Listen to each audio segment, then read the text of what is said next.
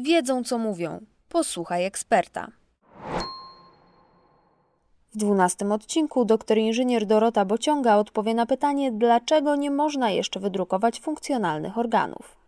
Dziś na zaawansowanym poziomie przeprowadzane są próby wykorzystania druku 3D do wspomagania operacji uzupełniania ubytków skóry czy też wytwarzania implantów do rekonstrukcji szczękowo-twarzowej. Naukowcy prowadzą też obiecujące badania nad drukowanymi 3D przewodami do prowadzenia nerwów, które wspomagają regenerację nerwów obwodowych oraz autoprzeszczepów. Lekarze i technicy medyczni stosują również drukowanie 3D do tworzenia protetyki, sztucznych zębów czy idealnie dopasowanych aparatów słuchowych. Bardzo intensywnie rozwijanym dziś zastosowaniem tej technologii jest tworzenie replik narządów przydatnych chirurgom w czasie przygotowań do trudnej operacji wady serca albo usunięcia nowotworu.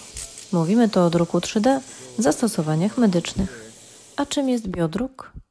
sposobem wytworzenia tkanek i organów poprzez jednoczesne umieszczanie biomateriału i żywych komórek warstwa po warstwie zgodnie z przygotowanym wcześniej modelem struktury. Mhm. Biodruk daje ogromne nadzieje na wydrukowanie organów na zamówienie. Kiedy nasz naturalny narząd ulega uszkodzeniu lub zniszczeniu przez komórki nowotworowe, najlepiej byłoby móc wymienić go na nowy, wydrukowany dokładnie w tym samym kształcie, rozmiarze i z komórek autologicznych, czyli naszych własnych uprzednio pobranych i namnożonych w laboratorium.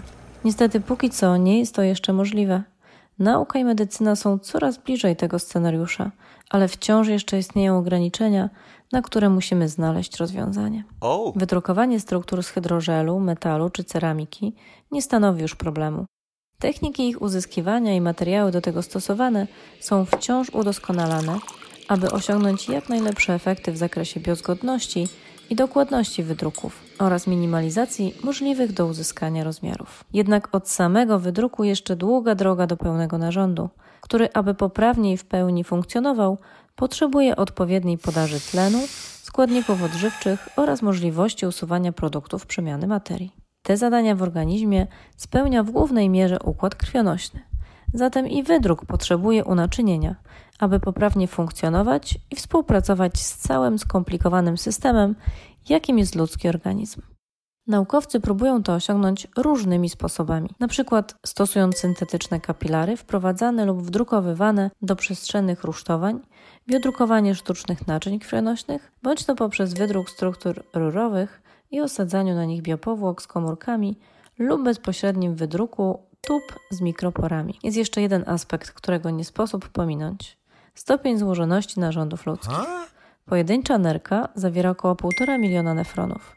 W płucach mamy oskrzele, które dzielą się na jeszcze mniejsze oskrzeliki, na końcu których znajdują się miliony pęcherzyków płucnych. Każdy z organów w naszym ciele to zarówno skomplikowany układ wielu rodzajów komórek, jak i rozmiary sięgające skali mikro i nano. Choćby dlatego trzeba biodrukowi 3D dać jeszcze chwilę, aby stał się na tyle precyzyjny i miał tak wiele możliwości jednoczesnego drukowania różnymi materiałami, by wydruk narządów na wymianę był możliwy. Już dziś medyczne zastosowania druku 3D pomagają lekarzom podnosić komfort, wpływać na jakość, a niejednokrotnie również ratować ludzkie życie. Biodruk jest znacznie bardziej złożonym zagadnieniem, ale jego efekty mogą już wkrótce znacząco zmienić możliwości medycyny.